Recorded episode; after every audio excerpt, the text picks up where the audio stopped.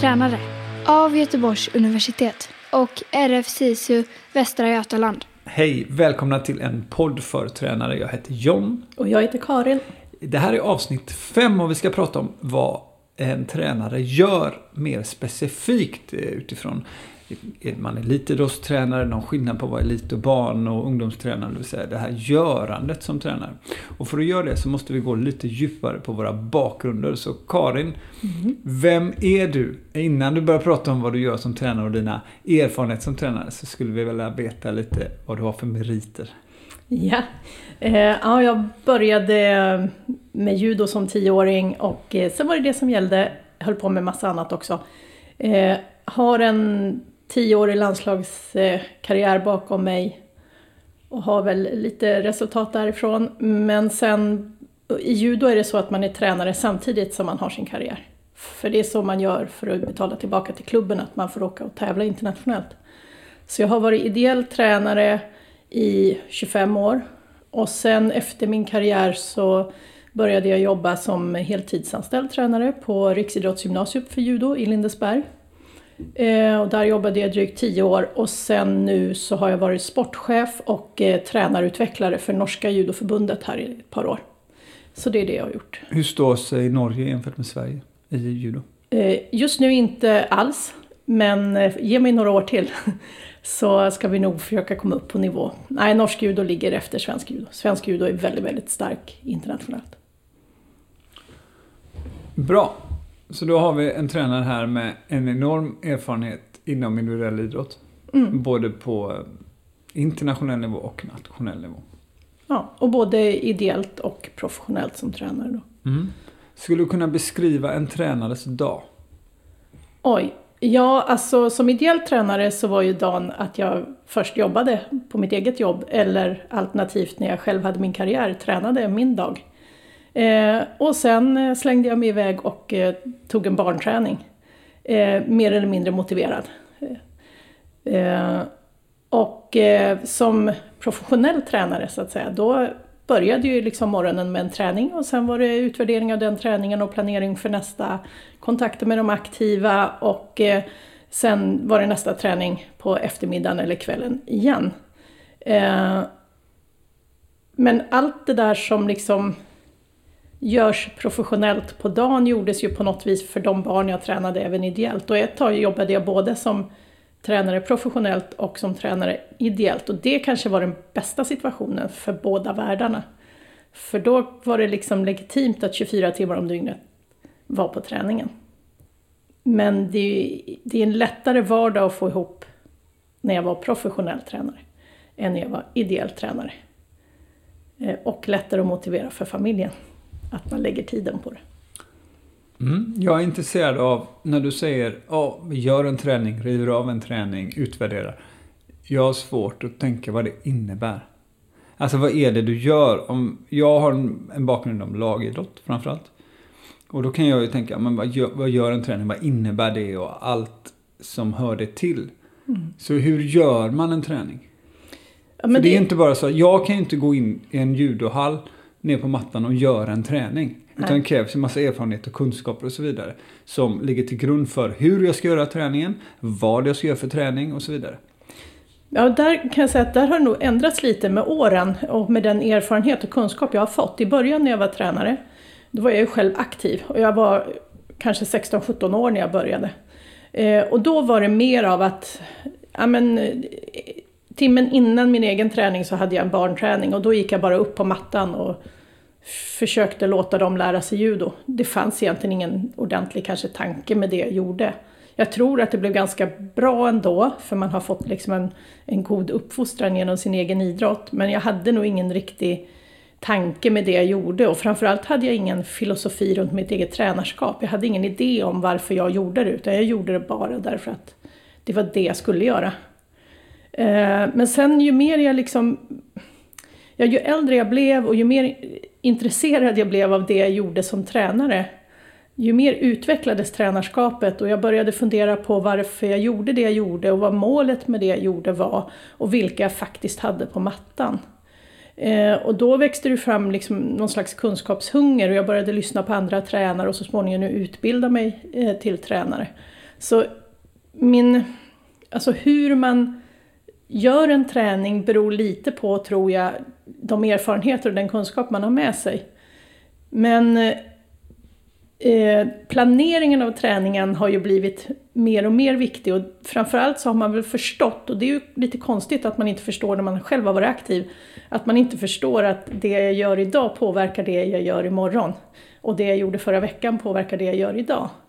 Eh, så att, att planering är inte bara att planera en uppvärmning och en teknikmodul och en, eh, i våra fall, sparringdel och sen i slutet kanske lite styrka eller nedvarvning eller vad man nu eh, vill med träningen. Eh, utan det finns ett större perspektiv.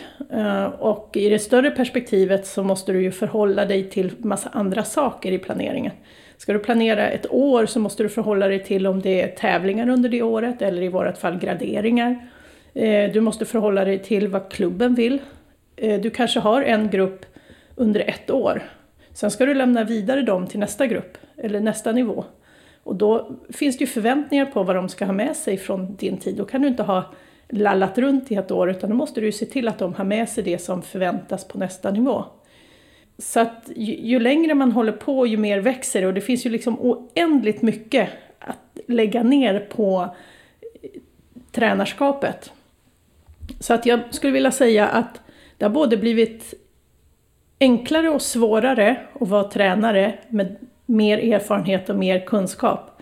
Därför att i början så var det så enkelt, för det var liksom, ja ah, men jag vet ju att de ska värma upp och så ska de lära sig en judoteknik som är till det bältet de ska ta.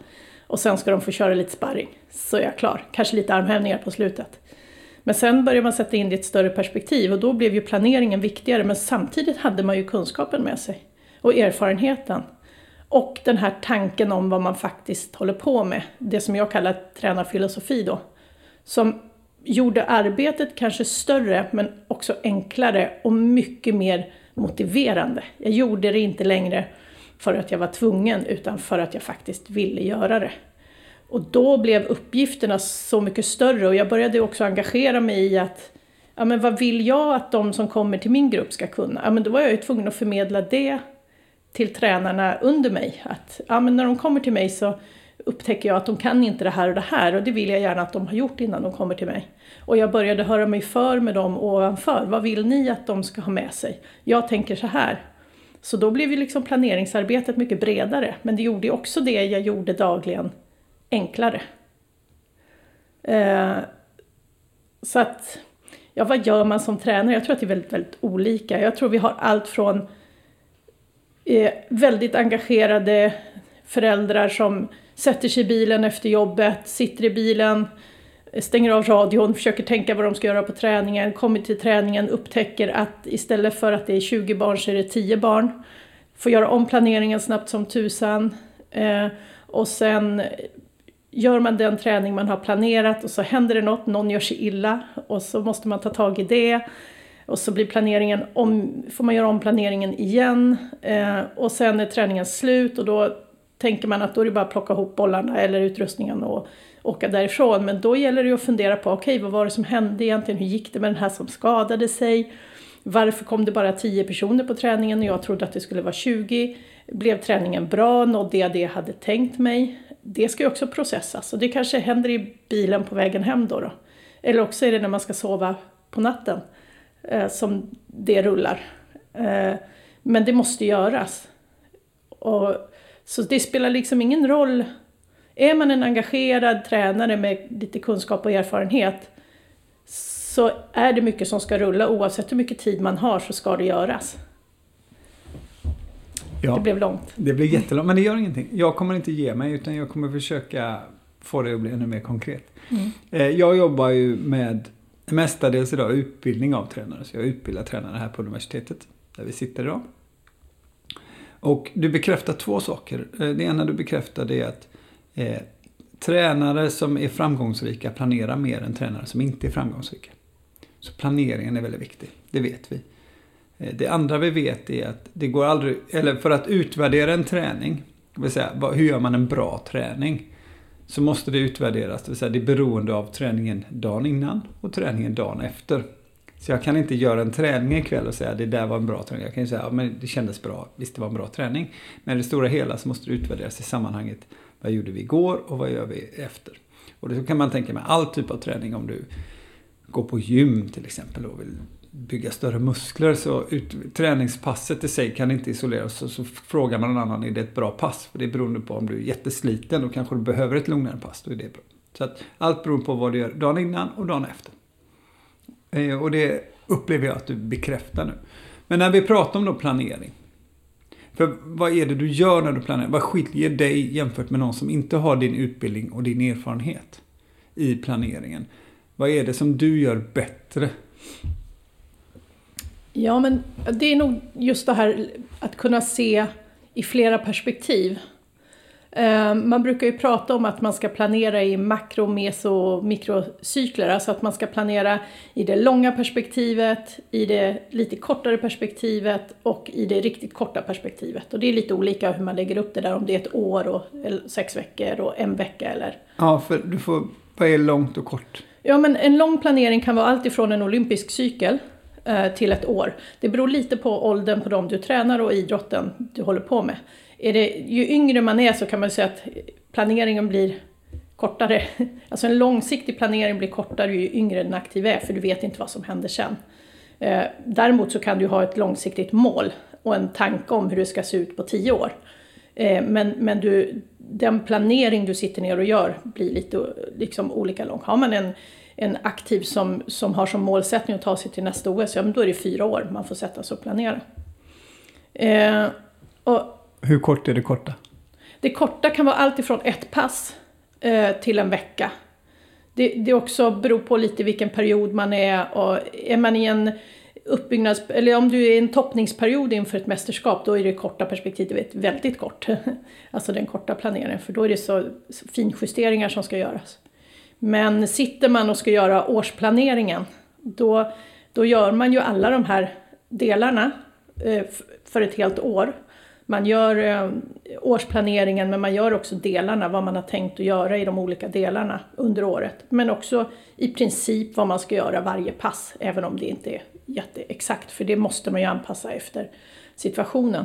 Och jag tror att det är där någonstans som, som skillnaden ofta sker. Dels i eh, hur noggrann man är med sin planering. Eh, och då menar jag inte jag noggrann med exakt hur mycket vikter man ska lyfta utan man måste hålla en flexibilitet i det därför att det är människor vi jobbar med och det är utveckling vi jobbar med. Men man är ändå så pass noggrann och bygger sin planering på gedigen kunskap och erfarenhet så att den blir så bra som möjligt för det mål man ska uppnå. Och sen gäller det också att vara duktig på att se de resurser man har. För det är jättelätt att göra en planering som bygger på att man har mycket mer än vad man har. Till exempel träningstid. Eh, det är lätt som tränare att tänka att nu har vi så här många veckor på oss, varje vecka har vi så här många träningspass. Eh, då planerar jag för så många träningspass. Men det kommer ju aldrig att bli så många träningspass. Därför att det kommer att vara sjukdomar, skador, Eh, Eh, och jag tänker i lag måste det vara ännu svårare för då har man alla träningspass men alla individerna har inte träningspassen. I mitt fall så är det att jag kanske gör en planering för en person. Den längre planeringen kanske är för några stycken men sen går jag in mer och mer individuellt. Men det kommer ju aldrig att bli 52 träningsveckor på ett år. Det finns inte. Så där måste man också ha en flexibilitet och sen är det ju vad har du för resurser runt omkring om jag ska planera en massa fysträning, har jag kunskapen att ta hand om den fysträningen? Eller måste jag då ta in någon annan som gör delar av det? Eller måste jag lära mig någonting för att kunna göra det? Så man inte planerar över sina resurser. För då blir det varken bra för dig och framförallt så blir det inte bra för den aktive som blir väldigt besviken. Och sen måste man ju ha med den aktive i planeringen om det är framförallt en vuxen människa som då liksom satsar elit. Så att den är med på tåget och tycker att ja, men det här känns som en grej jag vill göra. Eh, och det är klart, ju mer krav man har på den aktive, ju mer måste den aktive vara med. Om man, är, är man sju år och tränar två gånger i veckan så kanske inte eh, man behöver blanda in den sjuåringen i träningsplaneringen. Men har du en 23-åring som ska till OS eh, om fyra år, då måste den få vara med och tala om. Eh, för du kan ju inte heller lägga en träningsplanering som gör att personen i fråga inte har tid. Den kanske måste jobba eller plugga eller vad det nu kan vara. Så det är en massa saker att ta hänsyn till. Och det tror jag ganska många går bort sig i. Att de, de vill använda all sin kunskap och de vill så mycket. För det vill man som tränare, man vill ofantligt mycket. Men man måste titta på sina resurser. Annars så kommer det att fallera. Och resurser kan man ändra. Men då måste man planera för det också. Då måste man se till att man har de resurserna. När planerar du? Eh, jag önskar att jag kunde säga att jag alltid planerade på arbetstid när jag eh, jobbade som tränare. Men det är ett konstant arbete. Det snurrar i huvudet hela tiden och man kommer på idéer. Och det är också någonting jag har märkt att ju mer erfarenhet och mer kunskap har jag, ju mer snurrar det i huvudet. Så man blir bara mer och mer förvirrad i kunskapen. Men det leder ju också till någon slags kreativitet. Eh, och jag är ju en människa som gillar att jobba på papper, så jag sitter och skriver ner mina planeringar. Varenda pass finns nerskrivet. Eh, och det, så var det som aktiv också, jag hade allting nerskrivet. Eh, och det är ju för att någonstans plantera alla de här tankarna som hela tiden snurrar till någonting konkret. Och det gäller att vara konkret. Eh, och det finns en massa olika program man kan använda för träningsplanering och där tycker jag man i föreningar eh, Eh, organisationer ska försöka hitta en gemensam mall för hur man gör planeringen därför att det ska bli lättare med överföringen mellan grupperna också när man pratar med varandra tränare. Eh, kan, för då kan man hjälpas åt. Eh, man kanske kan ha planeringsmöten när man sitter tillsammans och gör planeringar för att kunna bolla. Att jag tänker så här med min grupp, hur tänker du med, med din grupp? Och sen att man har ja, men en mall för planering. Det kan vara ett Excel-ark eller på ett papper eller vad som helst, men att man har någon tanke. För det måste bli konkret. Jag vet att det finns tränare som liksom, ah, men jag har det i huvudet och jag har känsla för det, här, man använder fingertoppskänslan. Men träning måste vara systematisk. Och det måste bli, ska det bli bra för många så måste det vara konkret. Och det tror jag gäller även på barn och ungdomsverksamhet. Eh, för att eh, ska man vara flexibel så är planeringen viktig. Eh, sen vet vi med planeringar att det enda man vet är att det inte blir som man har planerat.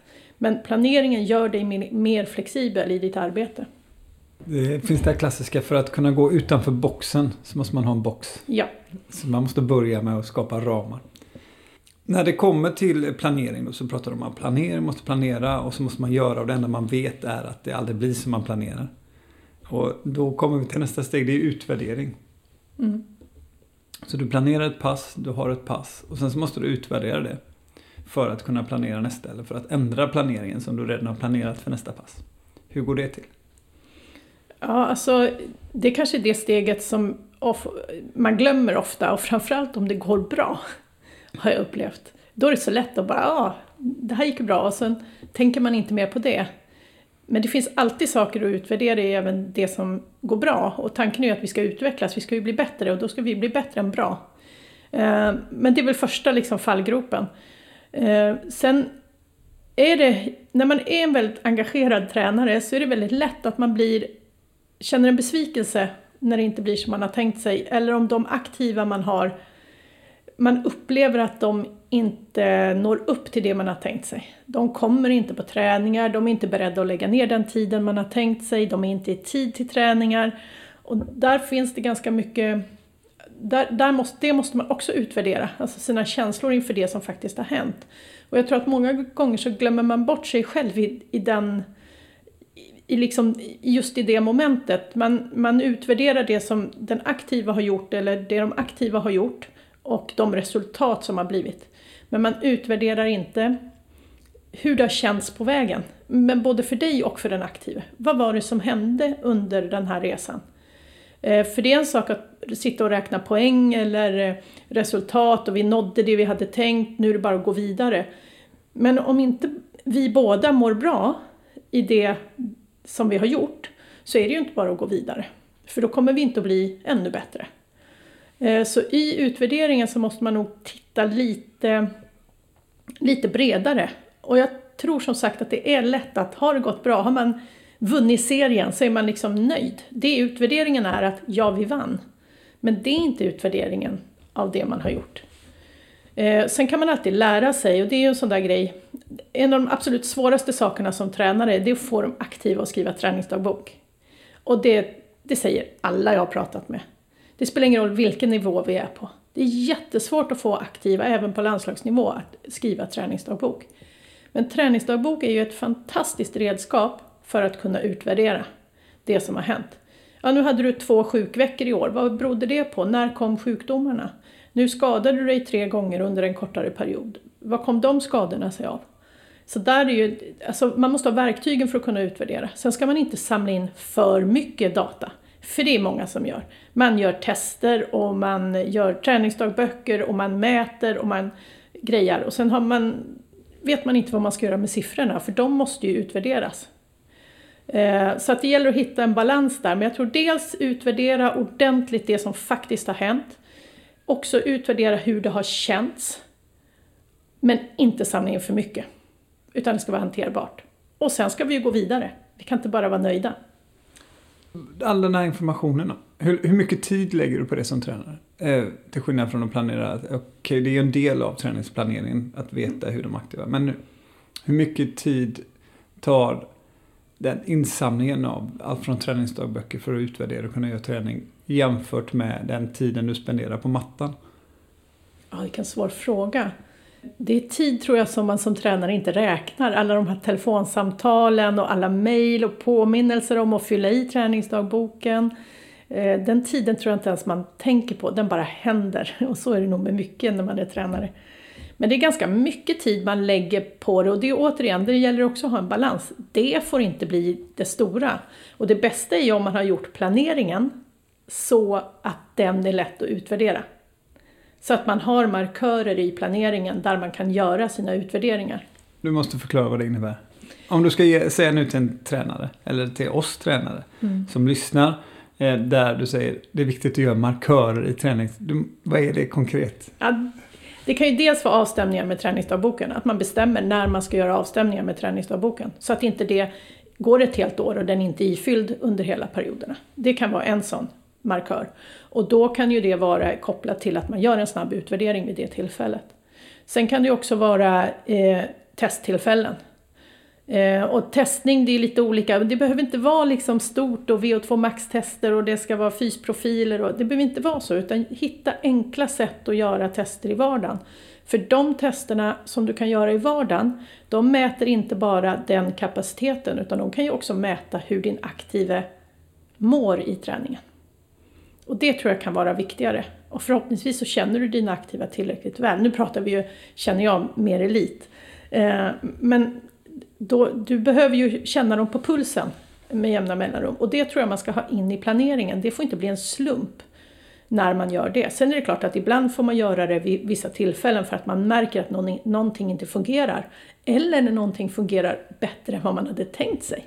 Varför kom det en topp här? Innebär det att vi inte kan få en topp om två veckor? Eller är det bara att den här personen har höjt sig en nivå? Eller är den bara nykär och mycket bättre plötsligt? Så det gäller att hela tiden, och jag tror att i planeringen måste man lägga in och förarbeta för utvärderingen. Och då är det just sådana här saker som att kolla av träningsdagboken, göra tester i vardagen och ibland kanske man också ska lägga in större testtillfällen eller testtävlingar eller vad man nu vill. Så att man planerar för sin utvärdering så man inte bara sitter där med en planering som inte blev som man hade tänkt sig och ingenting att, att lära sig av. För utvärderingen är ju att lära sig av det som har hänt. Du är inne på mycket, eller du är inne lite, och jag ska få dig att gå in mer på det. Nu pratar vi mycket om det tekniska, planera, utvärdera, allt från träningsdagbok. Och sen så kommer nu det här att det handlar också om hur de aktiva mår, att vi ska ha en relation och så vidare. Och vi vet ju särskilt då elit, men det gäller ju även liksom barn och ungdomar att det behöver finnas någon typ av relation. Och det är klart att relationen ser annorlunda ut. När det är barn och ungdomar så kanske det handlar om att se till att de trivs, att de blir sedda, att de eh, har en anledning att vara där. Förutom, det kan vara att bara träna, men det kan också vara att vara i ett sammanhang till exempel. Att man blir utmanad och så vidare. Och i elit, så desto högre upp i elit du kommer, desto viktigare blir relationen. För att relationen blir avgörande för din utvärdering. Att lära känna någon så att du hela tiden kan anpassa utifrån hur den aktive mår. Och det är saker som du inte alltid kan mäta. Det vill säga, det handlar inte om hur tight du är i hamstrings utan det handlar också om att hur du har sovit på natten och liksom allt som händer runt omkring. Hur jobbar du med relationerna där? Eller hur hade du det själv när du var aktiv och vann dina åtta SM-guld? Relationen till tränare och förening och hur jobbar du som tränare? Finns det något du saknar som du sen har gjort bättre som tränare? Eller finns det något du tog med dig som var viktigt som du alltid gör som tränare? Ja, för det första så tror jag att eh, jag har gått en del tränarutbildningar men jag tror att den viktigaste läxan är ju min egen karriär. Det är ju där jag har liksom mött verkligheten och sett både bra och dåliga exempel. Eh, och det är ganska intressant hur viktig en tränare är under en karriär. Alltså, eh, och det tror jag man ska tänka på som tränare. Hur, vilken roll har du gentemot den aktiva och vad tycker den aktiva att du har för roll? Eh, och jag upplever att när man tränar barnen, då ser ju de mig lite som läraren i skolan. Man är en förebild och man är någon som de litar på att man ska ta hand om dem och det är lite mer närmare liksom en föräldraroll man har. Eh, och det är viktigt att vara medveten om att det är den rollen man har och framförallt den här förebildsgrejen att det du gör, det är det de ser och det är det de ja, tar efter. Och du kan lära dem hur mycket teknik som helst men det mesta de lär dig av dig det är hur du uppför dig. Eh, så det tror jag är viktigt att ha med sig. Men sen ändras den här relationen ju, just, ju äldre man blir och jag kanske upplever att den svåraste perioden eh, var när man var tonåring. Eh, för då var man liksom i någon slags brytpunkt, det är ju samma som hemma. Man ska vara vuxen och ta eget ansvar men samtidigt ska man luta sig mot någon. Och jag valde nog under min gymnasietid att mer luta mig mot tränaren än att försöka ta mig ifrån den. Eh, men där gäller det också att vara lite vaken som tränare för du får inte ha en för nära relation. Det är precis som när man har tonårsbarn att du måste låta dem bli vuxna också. Du kan inte kräva att de ska eh, lyssna på allt du säger hela tiden utan det händer saker och det måste man kunna acceptera. Eh, sen när de blir vuxna så att säga, eller när man blir vuxen som aktiv så, så kan man ju ganska mycket. Man kan ta ganska stort ansvar för sin egen träning. Och det är det jag menar med att då ska man in och vara med i planeringen därför att här är det liksom ditt ansvar. Man måste våga lägga ansvaret på den aktive till slut och backa undan lite som tränare. Eh, men då kanske den personliga relationen, precis som du sa, blir ännu viktigare för plötsligt så är man den som den aktiva har som trygghet. Att vara idrottare och leva på idrott eller ha det liksom som sin huvudsysselsättning, även om man inte får betalt för det, är ju läskigt. Du kastar dig ut och säger att jag vill bli bäst i världen. Och det är inte alls säkert att du blir. Och du ska offra en massa saker. Du kanske inte kan utbilda dig till läkare eh, när du gör en satsning, utan det får du vänta med i tio år. Så du, du, jag vill egentligen inte prata om att man offrar någonting, men man ändrar sitt liv efter idrotten. Och då är det skönt att ha någon att hålla i handen. Och det blir ju den här trygga tränaren då. Men det lägger också ännu mer... Jag måste bara bryta in ja. när du säger att inte offra någonting. För nu pratar du om, eftersom du själv har haft en elitidrottskarriär och du jobbar i elitidrotten. Mm. Jag vill säga att det finns saker faktiskt som man offrar som man inte är medveten. Framförallt de som är inne i idrotten är ganska medvetna om det. Jag säger det för jag tycker det är viktigt. Det har mm. inte så mycket att göra med säger, men jag måste säga det. Eh, men det som, som är viktigt att folk får förstå att de här aktiva inom alla idrotter i princip, där du inte tjänar jättemycket pengar, där du inte är på allra högsta nivå. Eh, så det du gör, är offrar, det är framförallt väldigt mycket ekonomi ser vi. Och det handlar om att för att kunna prestera och kunna jobba efter träning så anpassar du livet efter träning. Du kanske tar ett jobb där du försöker jobba så lite som möjligt för att träna. Eller du studerar. Eh, och du hela tiden jobbar, alltså ekonomin hela tiden styr eh, är styrd av din träning. Så du tjänar tillräckligt mycket för att kunna träna. Och du lever på marginal. Oftast de flesta svenska elitidrottare oavsett idrott är också medfinansierade av partners eller föräldrar, liksom familj som stöttar det här. Det innebär att du offrar kanske 10 år, och det här är offra, av det som skulle kunna bli din pension. Alltså ekonomiskt. För du tjänar, många blir ju inte bästa elitidrottare och tjänar pengar. Det är väldigt få som blir det, en, en av hundra kanske knappt. Gör att du i tio års tid inte har en inkomst som ger dig en, eh, en grund för pension till exempel. Så det är viktigt att veta. Det är också så att det är din SGI till exempel. Sjukpenningsgrundande inkomst när du sen ska vara föräldraledig eller sjuk stannar. Så att även om jag förstår att man tycker att det är värt, och det är klart att alla elitidrottare tycker att det är värt det för man, man gör så mycket och man är inne i sin bubbla och man tävlar. Men det är viktigt att förstå också att för det är lätt att kritisera, ja, men hur kan du göra det och skada? Varför, tar de, varför gör de så här? Och någon behöver säga till dem att någon annan behöver ta ansvar och tränare behöver ta mer ansvar för att det ska bli hållbart och så vidare. Ja, Å ena sidan. Å andra sidan så väljer också de här aktiva att offra allt det här eh, för att kunna bli duktiga. Och det måste finnas någon typ av, jag vet inte om respekt är rätt ord, men förståelse för det. Att för de här människorna är det så pass viktigt just nu att det är värt att offra det. Sen så behöver man ju kanske utbilda aktiva att förstå liksom också vad den här uppoffringen då innebär. Det var mm. liten, eh... ja, alltså det jag menar är att jag har haft så svårt att se det som en uppoffring, för, för mig har det ju inte varit det. Jag har ju fått mer än vad, jag har, än vad det har kostat. Eh, även mm. om jag inte nådde alla mina mål så har det gett mig så ofantligt mycket. Men du har ju helt rätt, jag levde på studielån i tio år. Eh, och mina föräldrar. Det var inte det bästa man kan göra för framtiden. Men ändå är ju det som har gjort att jag är där jag är idag. Ja, precis. Och det jag menar, då har du fått också, du har ett stort medaljskåp hemma. Och du jobbar med idrott nu på högsta nivå. Du är sportchef och du har verkligen jobbat på högsta nivå. Och jag tänker, eh, och vilket är sannolikt, att det finns också tio andra, om inte fler, inom judon som har jobbat precis lika hårt som dig som inte har det. Det är så jag tänker. Ja, ja men så är det Och jag hoppas ju att allt det här jag har gjort kommer andra till gang genom mitt tränarskap och mitt arbete inom idrotten. Det är ju ett sätt att betala tillbaka för det man har fått genom idrotten. Eh, men då till vad tränare ska göra och det här vi pratar om. Mm. Och det här är ju en grej, det man måste förstå det är att elitidrott, när man kommer in på den nivån, och det kanske är någonstans ja, men i gymnasieåldern man tar steget och bestämmer sig för det är det här jag vill göra. Och så gör man de här utifrån sett då uppoffringarna. Och många utav dem, som du säger, det blir liksom ingenting utan man kanske gör de här fem åren och sen är det slut. En skada eller att man inte räcker till.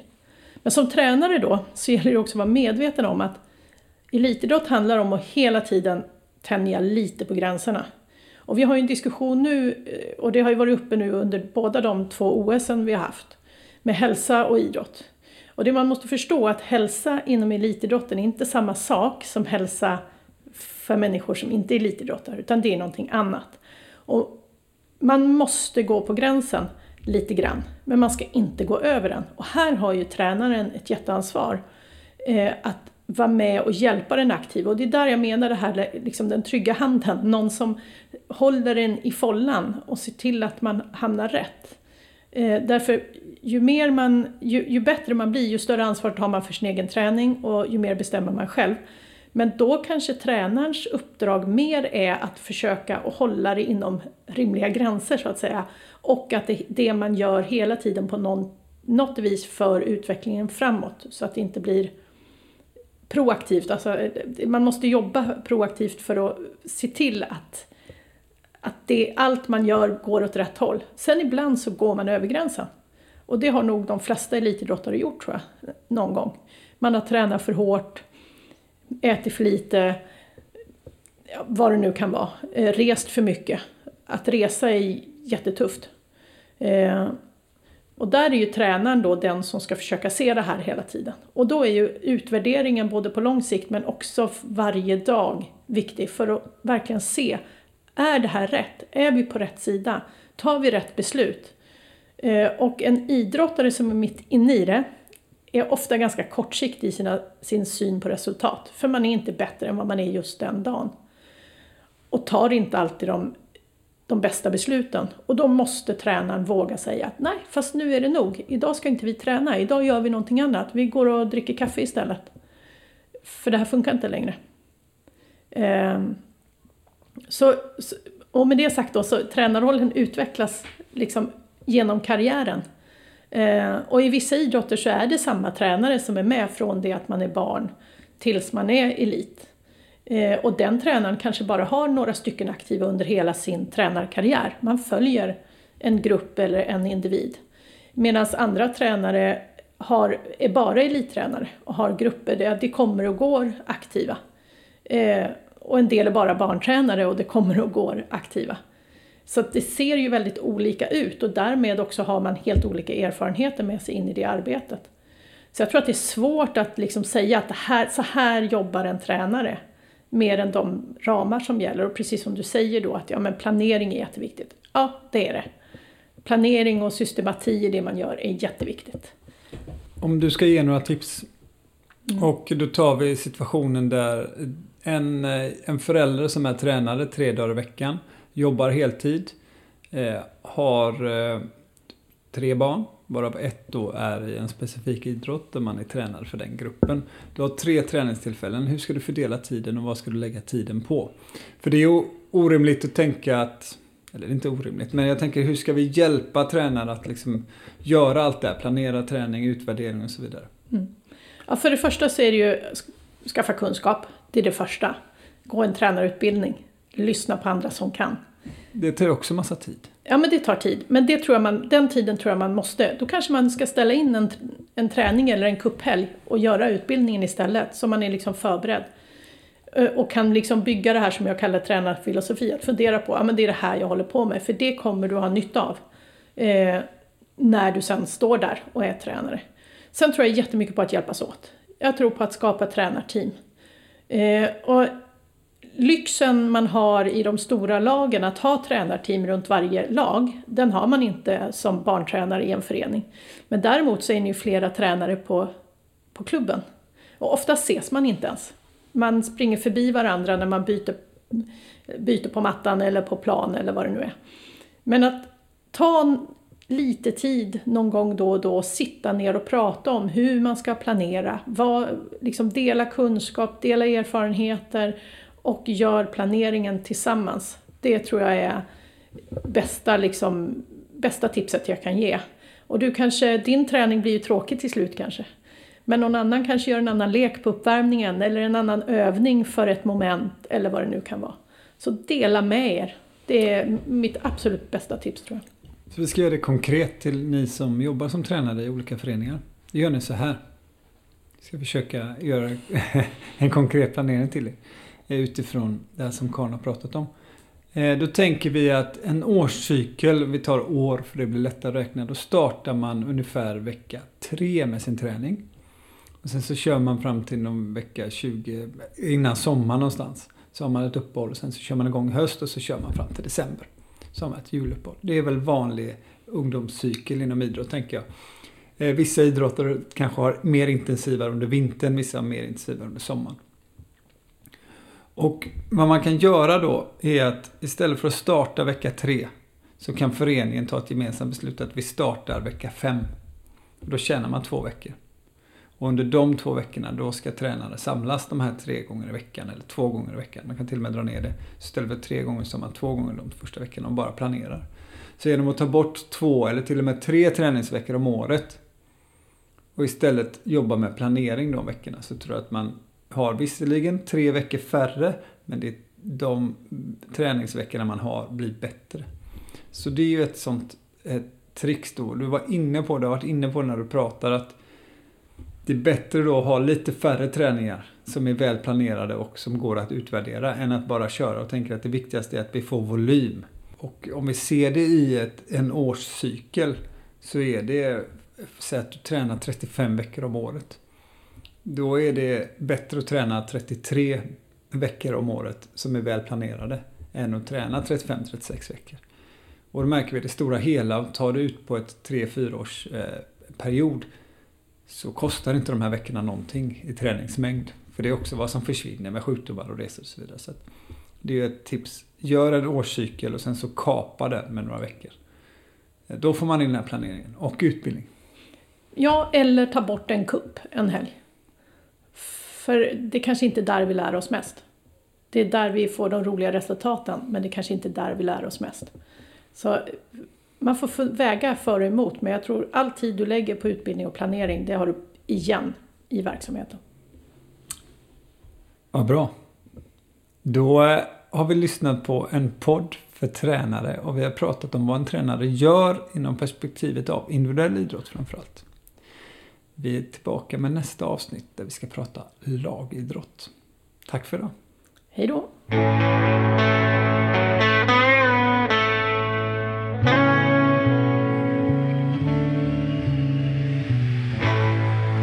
Tack för att ni har lyssnat på en podd för tränare.